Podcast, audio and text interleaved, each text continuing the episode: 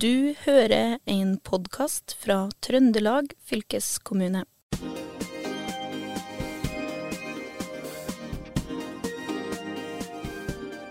Hei og velkommen til Fylkespodden. Jeg heter Kjersti, og i dag skal jeg ta dere med på ei lita reise med en utslippsfri hurtigbåt. Vi skal nemlig få høre historier om fremtidens hurtigbåt. For tenk deg å fare over sjøen i en båt som har minimale med klimagassutslipp. Det gir i hvert fall gode klimavibber. Og hvis alt går etter planen nå, så vil vi ha utslippsfrie hurtigbåter som kan frakte oss trøndere sjøveien om et par år. I denne eh, utgaven har vi fått besøk av uh, Lars og Ragnhild, som jobber i fylkeskommunen med et prosjekt som for meg høres helt crazy ut. For de jobber nemlig med å kjøpe noe som ikke finnes. De jobber med å kjøpe disse her hurtig, utslippsfrie hurtigbåtene som ikke finnes ennå. Det er et uh, prosjekt som har pågått i mange år, og nå i høst ble det signert en kontrakt med seks leverandører i prosjektet Fremtidens hurtigbåt. To heter det visst. Og nå er disse her nå seks leverandørene med videre i en konkurranse. Og i begynnelsen av april 2022 så vil det bli avgjort hvem av disse her nå leverandørene som blir med videre, frem til vi i mai 2023 har et mål om å ha utvikla nullutslippshurtigbåten, som har minimalt med energiforbruk sammenligna med dagens uh, fartøy. Så høye ambisjoner her, og lite tid, med andre ord. Så hvem er det egentlig som har snakka om uh, trege, trege trøndere? Jeg har med meg Lars Fabricius og Ragnhild Harsvik. De jobber i avdeling eh, samferdsel i Trøndelag eh, fylkeskommune. Og jeg må si det at når jeg hører om et eh, prosjekt som handler om at her skal man kjøpe noe som ikke fins, så er det ikke noe jeg ser for meg at en fylkeskommune holder på med, eller noen av disse her byråkratene som jobber i fylkeskommunen. Så jeg er jo ganske spent nå på å få høre historien til Lars og, uh, og Ragnhild. Velkommen til oss, Lars og Ragnhild. Tusen takk for det. Takk. Uh, jeg tenkte vi kunne starte litt med å finne ut hva er greia med disse her nå hurtigbåtene. Jeg har undersøkt litt og funnet ut at de seks hurtigbåtene som finnes i Trøndelag i dag, de slipper ut klimagasser som tilsvarer 1000 rutebusser. Og da tenker jeg at klimagasser, det er dårlig. Men er, liksom, er 1000, 1000 rutebusser, er det mye, er det lite? Hva, hva tror du, Lars? Ja, altså i uh, Relativt sett så er det en, en hurtigbåt uh, kanskje noe av det mest uh, energikrevende vi har. Sånn at i forhold til utslipp, så, så, er det det er verre enn Widerøe, som man pleier å si. Så det, dette er noe av det mest ekstreme vi har på energiforbruk. Da. Det, skal, det skal dytte mye vann, og det, det skal kjøre veldig fort. sånn at når det kommer til akkurat å sammenligne med, med, busser og 1000 busser, det, det, er en, det, er en, stor del. Det er en stor andel. Men så hvis jeg tar hurtigbåten nå da over fjorden, er det, er det, nesten verre enn å ta fly? Sånn utslippsmessig? Sånn hvis du ser, eh, ja, hvis du ser i forhold til antall passasjerer og litt sånt, så, så, er det, ja, så, er det, omtrent på nivå med det. Eller du kunne like gjerne tatt et fly over fjorden. Uh, utslippsmessig. Det hadde jeg aldri, hadde jeg aldri tenkt på eller, eller trodd. Men en annen ting jeg ikke tenker på, det er jo å kjøpe noe som ikke fins. Fordi hurtigbåter som ikke går på eh, fossildrevne energikilder, det fins vel egentlig ikke. Men dere har jo holdt på lenge nå med å skulle kjøpe en sånn her utslippsfri hurtigbåt som ikke, som ikke finnes. Hvordan, hvordan endte dere opp med å sette i gang med å skulle kjøpe disse båtene som ikke fins? Ja, det er en, eh, det er en lang historie, egentlig. Men det handler jo om at uh, fylkeskommunen har jo lyst til å aktivt gjøre noe med sine klimagassutslipp. Og det vi eh, har mest av når det er våre egne utslipp, det er den transporttjenesten som vi tilbyr. Altså det er kollektivtilbudet for, for, for deg og meg. Og Eh, da er det slik at for eh, f.eks. busser, så er det en teknologi som vi kjøper. Det utvikles i andre land. Men når det kommer til eh, det som går på vannet, så er Norge verdensmestere.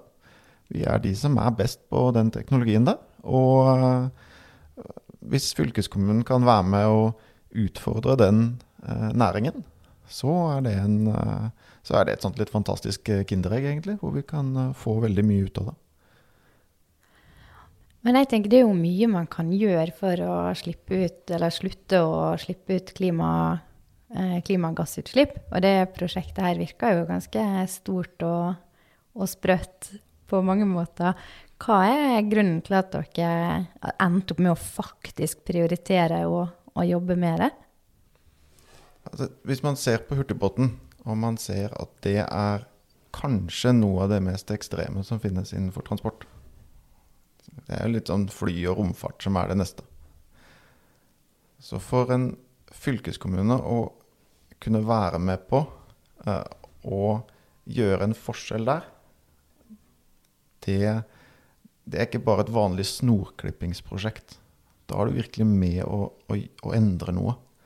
Uh, og uh, den teknologien som man utvikler her, den Altså lykkes du her, så lykkes du veldig mange andre steder. Det er litt ekstremsport innenfor eh, klimateknologi. Og så tror jeg det rett og slett er litt artig, kan, vi, kan man si det sånn. At, uh, altså det ene er for oss uh, som jobber med det i det daglige, men også oppover altså i, på politikerne. Og, og, det er veldig nært for folk. Hurtigbåten er livsnerven for veldig mange. vi er helt avhengig av den langs kysten vår. Det er ikke noe som vi kan erstatte. Og, og det, det, er en snarvei. Så det er et fantastisk transporttilbud. Eh, og det å kunne fly over sjøen i 80-90-100 km i timen uten en helt lydløst, uten en eh, eneste form for utslipp, det må jo være fantastisk. Og du, eh, du, Lars, du har jo vært med på dette prosjektet her siden det starta. Når var det? Var det i 2015? 2015, ja. Men eh, Ragnhild, du er jo, begynte jo her rett etter, rett etter sommeren.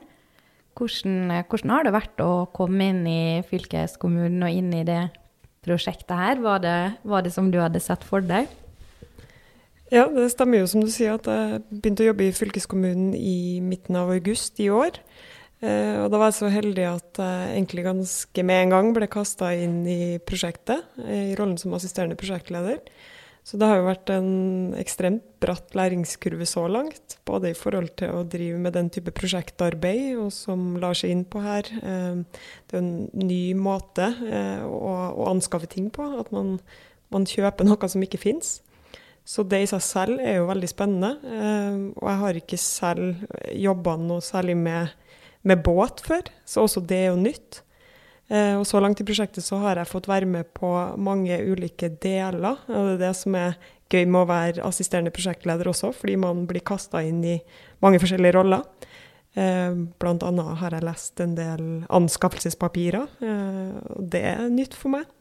Og det er mye teknisk også i dette prosjektet. Båt, det kan være ganske krevende å bygge. Og det blir jo ikke noe lettere at man skal gjøre det utslippsfritt. Da. Eh, som vi har vært inne på tidligere, så er jo det noe nytt. Eh, vi er jo blitt godt vant til å se elbiler, elbusser og den type ting. Eh, men båt, eh, der ligger vi litt lenger bak. Og som Lars var inne på, hvis man lykkes med dette prosjektet, så, så tror jeg at eh, det vil være et stort løft for norsk maritim næring. Så det er veldig spennende så langt. Så jeg gleder meg til, til månedene som ligger foran oss. Ingen tvil om at det høres, høres spennende ut. Og nå, jo ikke, nå er det jo Trøndelag fylkeskommune som starta opp med det her nå. Hei, vi, vi setter i gang og får laga fremtidens hurtigbåt. Men eh, dere er ikke alene nå. Hvem flere har dere fått med dere på, på laget? Det er helt riktig. Det er Trøndelag som har vært pådrag, eh, pådriveren her. Men eh, det er også fire andre fylkeskommuner. Eller vi er fire totalt. Da. Så det er Vestland, og så er det Nordland, og så er det Troms og Finnmark. Det kan jo være at det blir fem på sikt, med tanke på at Troms og Finnmark muligens skal splittes, men det vet vi jo ikke ennå. Eh, og det er jo også noe av det som er spennende her, eh, å jobbe på tvers av ulike fylkeskommuner. For man har jo et felles mål, selvfølgelig, men det kan jo være noen ting man ikke er helt enige om sånn fra starten, så da må man jo jobbe seg gjennom en del problemstillinger. Men vi tror jo at vi som et prosjekt som har med flere fylkeskommuner, står sterkere. Uh, og det her er jo fylkeskommuner som har hurtigbåtsamband. Så den biten er jo på en måte en fellesnevner. At vi ønsker å, å bidra til å få ned klimagassutslippene uh, på noe som er noe av det mest forurensende vi har da, på transportsida. Og hvordan, eh, hvordan, var det da når en gikk ut uh, til de andre fylkeskommunene her og sa hei, vi har en uh, kanskje litt sprø, sprø idé, blir dere, blir dere med? Nei, altså de, de startet med, med å synes at vi var litt sprø, da.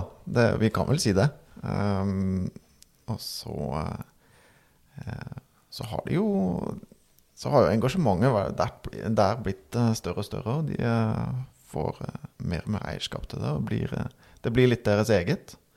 Um, det er jo en sånn det, det er noe man, man, må eie litt, da. Man må, må kjenne litt på at uh, det her er viktig for en. Så, så um, Absolutt. Det, det, er litt de sprø trønderne som stiller opp. Nå har ikke jeg helt dialekten til å si det, men allikevel. Det er, uh, det, det er, nok der det starta. Og så, så har uh, de, de, blir jo med alle sammen etter hvert. Det, var, det har vært stort engasjement. For det her er jo grønn, grønn omstilling. Hva, har du noen tanker om hva er det som gjør at folk, at folk tør, liksom, tør å begi seg ut på ei sånn her reise? det er jo en eh, blanding av at man kanskje ikke har noe valg. Eh, vi er jo nødt til å gjøre noe. Eh, også at man ser at dette er et felt hvor vi kan lykkes, og at man kan gjøre en forskjell. Og at det til sammen gjør at det blir veldig attraktivt å yte den innsatsen og ta den sjansen. For det, fylkeskommunen, for å være helt ærlig, vi tar en stor sjanse her. Um, vi har vi, det, det, er ikke ja, Man snakker jo om å kjøpe noe som ikke fins. Man tar en stor sjanse. Det er stor risiko. Um, ikke, ikke, i båten som sådan. Den kommer til å funke. Men det er mye nytte. Og, og det er mye som skal, skal klaffe og treffe for at man lykkes. Ja, og det er jo næringslivet som uh, egentlig fylkeskommunen setter i gang her. og er sånn, ja, men Kom igjen, begynn å utvikle jobb mot det produktet som vi uh, har lyst til å kjøpe av dere. Og det har jo blitt lagt en del penger i prosjektet her allerede. Hvor mye, hvor mye penger har det blitt brukt? Så langt så, så er budsjettet 100 millioner kroner. Um, og det er jo penger vi skal bruke. Vi, en del har vi brukt, og en del skal vare ut 2023. Og så er jo neste del, det er jo den virkelig dyre fasen. Det er jo da vi skal begynne å bygge båtene. Eh, så dette prosjektet kan fort komme til å koste opp mot en milliard. Så det er mange penger i spill. Det er helt sykt mye penger. Og det her nå med fremtidens eh, hurtigbåt, det er jo en sånn teknologi eh, Det er jo en sånn teknologifiks og en teknologisk utvikling. Og jeg tenker du, Lars, du er jo sivilingeniør. Og nå har jo dere rekruttert inn deg, Ragnhild. Og du er jo samfunnsgeograf, så her har vi liksom ingeniøren da, og samfunnsviteren. Dere er jo litt, litt i to forskjellige leirer. Hva er det, hva er, hvorfor har du fått med en dragvolling, eh, Lars? Nei, det er, det er viktig at noen har dragvollingene til å holde gløshaugen i ørene, er det ikke det? Um, og så er det Enhver en, en god innovasjon den er ikke bedre enn uh, brukerne som har lyst til å ta, ta det i bruk. Altså, hvis, vi ikke, hvis, vi ikke, har noen som har lyst til å ta båten, så hjelper det ikke at den er aldri så fin og fancy. Uh, og da er det viktig å få inn de som har samfunnsperspektiver, som klarer å se uh, brukerne, og, klarer å ha et, et godt bilde på hvordan dette skal fungere i hverdagen til folk. Uh, og så kan vi ingeniørene vi kan sitte og nerde med teknologien og detaljene og få det til å fungere. Men den kombinasjonen, den er, den er, utrolig viktig i dette. Ja, jeg er jo må innrømme det at jeg personlig er vel nærmere Dragvoll enn en Gløshaugen. Jeg syns jo det er kjekt når teknologi gjør eh, livet, mitt, eh, livet mitt enklere, selvfølgelig. Eh, men jeg er jo litt opptatt av dette med hvordan er vi mennesker sammen, og ja, litt sånn samfunns, samfunnsfag-type, da. Og det er jo mye snakk om at nå med klimakrisa så kan teknologien komme oss til utsetning og løse den. Mm, og i en tidligere episode her i podkasten som heter Den episoden heter 'Trøndelag kan redde verden'. Der snakka jeg med Tore O. Sandvik, fylkesordføreren vår. Og han er jo bare sånn superteknologioptimist Jeg tenker yes, her er vi, her finner vi løsningene. Men jeg sitter fremdeles med spørsmålet er det nok. Kan teknologien redde oss? Eller må det skje noe med måten vi lever livet våre på? Det er et veldig godt spørsmål. Jeg tror ikke at jeg selv vil kalle meg teknologioptimist, men jeg tror teknologi eh, kan være et veldig godt verktøy eh, for å nå de målene som nå er satt, både nasjonalt og internasjonalt, i forhold til å redusere klimagassutslipp. Eh, men jeg tror nok du er inne på noe når du nevner det med hvordan vi lever livet vårt. Jeg tror omstilling også i i atferd eh, vil nok bli en viktig brikke. Eh, men det er klart at en del utfordringer vi har, eh, som Lars var inne på tidligere, så er jo hurtigbåt i Norge det er veldig viktig, rett og slett fordi at vi har bosetting eh, på kysten. Og det er jo også et, eh, en villa politikk i Norge. At vi skal opprettholde bosetting på steder der ingen kunne tro at noen kunne bo. Det, det er litt det. Eh, og da er det jo klart at vi trenger teknologi eh, til å finne måter å frakte folk til de stedene. For å opprettholde de her kystsamfunnene som, eh, som er veldig viktige for Norge. Både sånn i, i regional politikk, men også pga. verdiskaping, rett og slett. Mye av den foregår jo på kysten. Og da er vi avhengig av å, å, å skape nye løsninger. Eh, som gjør at vi kan fortsette å ta hurtigbåt med relativt god samvittighet, tenker jeg da. Enn du da, Lars? Er du teknologioptimist? Ja, jeg er litt, litt forplikta til å si ja til det, da. Eh, men absolutt. Jeg er jo eh, teknologioptimist. Det er, eh, det er, det er nå det jeg én jobber med, men to som, som driver meg. Som at vi har evnen til å utvikle og, og, skape også gjennom teknologi. Så jeg er helt enig med Ragnhild at en, den omstillingen og den, den tilpasningen som vi må gjennom, den, den blir utrolig viktig. Og det, det, kan godt være at hverdagen vår bør se litt annerledes ut. Men at vi å, skal klare å løse ganske mye gjennom teknologi. Uh, om så ikke for å ivareta nøyaktig dagens uh, uh, hverdag, da, men allikevel for å legge til rette for at den hverdagen vi har, er, så, er fortsatt flott og utslippsfri. der er jeg optimistisk til at vi skal klare å løse det. Og tror du at vi kommer til å reise på samme måte som vi reiser i dag? For min del så håper jeg ikke det. Um, det har sittet nok i rushtrafikk til at eh, jeg håper den blir avskaffa. Uh, men det innebærer jo at uh, ikke alle kan reise på samme tid, og ikke alle nødvendigvis kan reise uh, kanskje hver eneste dag. Så um, også må vi Man må jo ha muligheten til å gjennomføre de reisene som vi må. Det er ikke alle som kan la være å reise, f.eks. Um, og så, så jeg, regner, jeg, jeg tror jo det der to minutters møte i Oslo fra Trondheim, eh, hvor du reiser ned med, med fly om morgenen og opp igjen eh, med fly om kvelden, det er kanskje litt 1980.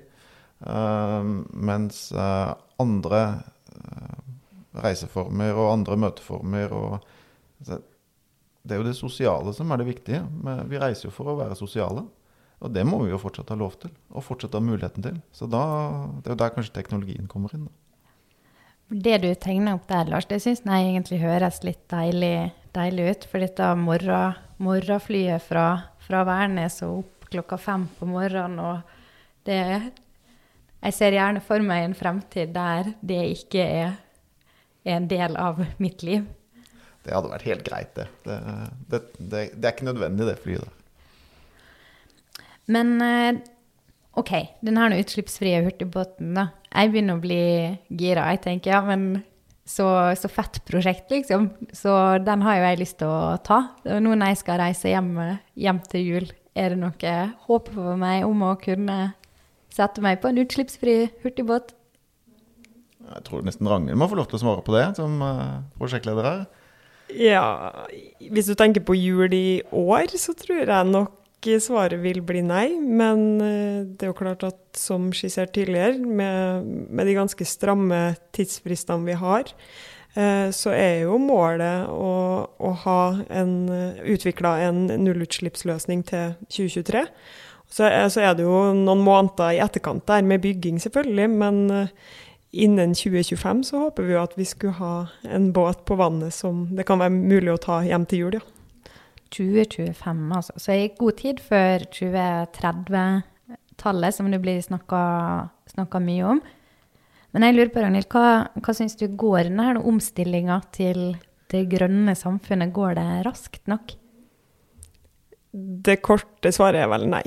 Jeg syns ikke det går raskt nok. Eh, vi har på mange måter fått litt drahjelp eh, de siste to årene pga. en pandemi, men det skulle jeg kanskje ønske at vi var villige til å ta den omstillinga uten at vi fikk det påtvunget på den måten. Men jeg håper vi kan ta med oss mye av lærdommen, da. Og som Lars var inne på, ikke flere flyturer til Oslo for et times møte. Håper den tida er forbi, som er nevnt her. Um, og også at vi kan begynne å hente ut uh, litt merverdien av å se på men hvorfor er det vi reiser, som, som Lars var inne på. Det syns jeg er veldig interessant. At den reisen som kun er et ork, de bør vi kanskje prøve å unngå. Eh, men når det er for å være sosial, eller at det er møter som krever at man sitter ved samme bord, så tenker jeg at det må vi jo kunne fortsette med. Men da på en grønnere måte enn vi kanskje har gjort frem til nå. Og med denne omstillinga og liksom hvor, hvor, raskt det går, hva er, hva er på en måte bauger? Hva hva er det som stopper, stopper opp fart? Det er jo et veldig godt spørsmål. Um, uten et godt svar, tror jeg. Det er uh, Det virker jo Altså, det kan jo I, det, i den omstillingen, det, det, er jo noe som tar tid. Uh, og så er det teknologiaksept. Tar også litt tid. Um, Hva er teknologiaksept? Nei, altså I det tilfellet her så er det jo det at når vi uh, f.eks. nå utvikler en løsning, så, så, må den være like god eller bedre enn det vi allerede har. Uh, og det kan vi helt ærlig si at det er det ikke alltid at det er, når vi skal lage noe som er helt grønt. Nei, ikke sant. For når, når elbilene kom, så, så, var jo ikke elbilen helt der den er i dag, for å, for å si, det, si det sånn. Og så med tanke på hurtigbåten, hva, hva må vi regne med, med, der? Kommer den første hurtigbåten til å være et sånt et sånt, et sånt eh, startprosjekt, så plutselig ligger man og driver da uten kraft ute på fjorden? Ja, det, det, det, er, det er ikke godt nok, da. vi, kan, vi kan ikke ha rekkevidde som vi kommer midtfjords, og så ligger vi der. Um, vi kan heller ikke ha en, en, rekkevidde eller en funksjon som gjør sånn at dessverre, båten gikk ikke i dag. Uh, det skal, det skal fungere hver dag. Um, og du skal kunne stole på det. Uh, og da må, da må, teknologien være moden nok og god nok. Så det er jo klart, gjennom det prosjektet vi har her nå, så, så har vi en, vi har en høyere terskel for feil, og vi, eh, vi tar en det, det skal være lov til å uh, rette opp. Um, for det er, ikke, det er ikke et fartøy som skal inn i en vanlig ruteproduksjon. Men når vi da skal kjøpe båt nummer to, så skal den fungere hver eneste dag, og du skal kunne stole på den. Eh, så den, eh, den, dagen vi får gleden av å invitere deg om bord i en utslippsfri hurtigbåt, så skal det være en opplevelse. Du skal komme inn, og du skal tenke wow, dette er fantastisk. Det ser jeg fram imot. Når 2025 eh, kommer, hva er neste utvikling dere skal hive dere løs på? Har dere noen nye banebrytende prosjekt i sikte? Det er et veldig godt spørsmål. Eh, vi gir oss jo ikke med det, det kan vi vel fastslå med en gang. Det er jo ikke sånn at vi da tenker at nå var alle problemer løst. Det er jo andre områder også vi, vi tenker at det er viktig å, å legge en innsats eh, på. Da. Eh, og sånn som på avdeling for samferdsel, så, så, er vi jo inne i Miljøpakken. Og der er det jo bl.a. en del teknologiprosjekter. Eh, så vi, vi, prøver jo å, å, bidra der vi kan, og, og ikke satse alt eh, på én hest. Eh, det er viktig å, å, se hele transportsystemet i sammenheng. Da. Så det vil nok absolutt være andre typer prosjekter som blir aktuelle også før 2025. Ja, det ligger jo noen, noen visjoner der som, som, vi skal begynne å levere på. Det er jo en drøm om, eh, bl.a. for fylkesordfører, om at uh, man skal eie et, uh, et busskort istedenfor en bil. Og så skal man leie en bil istedenfor at du betaler for den bussen du da tar en gang imellom. Og hvis vi kan lage en løsning der du som bruker alltid vet at du får tilgang til transport, og at den er like tilgjengelig og like enkel og like komfortabel som den bilen du har stående utenfor, så er nok det kanskje det prosjektet vi skal sikte oss inn på å lykkes med da, i neste omgang. Så det, det, å, det å ha tilgang til transport når du trenger det, som tar deg fra der du er og dit du skal, uten at det nødvendigvis er din egen personbil, det, det er nok en, et, et, prosjekt vi må sikte mot. Altså Helt avslutningsvis så må jeg si noe. Og bare beklager hvis det kommer over som litt, eh, som litt frekt, for det er ikke meningen. men jeg bare tror at mange, når man hører fylkeskommunen, så høres det veldig grått ut. Og det dere beskriver i både prosjektet dere jobber med, og måten dere tenker på og ser fremover på, det er ikke det, det, er ikke det første jeg tenker at en byråkrat fra fylkeskommunen skal komme og fortelle meg. Er det, er det virkelig sånn som dere beskriver? Er det sånn det er å jobbe i fylkeskommunen? Fylkeskommunen har jo veldig mange oppgaver, og nå er jo vi så heldige at vi jobber innenfor et felt som er veldig i utvikling. Eh, og det er eh, på Team Teknologi da, som vi sitter i. Eh, der er det jo nettopp den type prosjekter som, som vi har snakka litt om i dag, som er en god del av arbeidsoppgavene. Så det er jo klart at vi er jo heldige, men jeg tror jo sånn generelt så har jo det offentlige veldig stor innkjøpsmakt. Eh, og den tror jeg kan fremover brukes enda mer klokt, da, i form av å drive fram nye løsninger. Og det er jo nettopp eh, det Fremtidens hurtigbåt er et eksempel på. At gjennom, gjennom, å ta i bruk eh, det som heter innovative offentlige anskaffelser, som gjør at man har litt friere rammer, så kan man bidra med offentlige penger til å pushe næringslivet da, fremover i grønnere retninger. Så det er veldig gøy. Og det tror jeg flere felt innenfor fylkeskommunen har muligheten til. Så det håper jeg vi ser mer av fremover. Ja, så må vi jo si at uh, jo, altså de trønderske politikerne de er, uh, de er visjonære. De er fremoverlente. Og de, de, ønsker å skape en endring. Um, så de, de, dytter jo på oss og pusher på oss for at vi skal levere enda bedre enn det de klarer å se for seg til enhver tid. Um, så så i fylkeskommunen er det, er det rom for, inno, eh, for, innovasjon, og det er, legges absolutt opp til at vi skal være visjonære. Passer godt sammen med visjonen til fylkeskommunen, så vi kan jo avrunde episoden med den. Vi skaper historie. Takk for at dere kom. Takk for det. Takk for oss. Du har eh, hørt en podkast fra Trøndelag fylkeskommune. Hør flere episoder på Spotify eller trondelagfylket.no.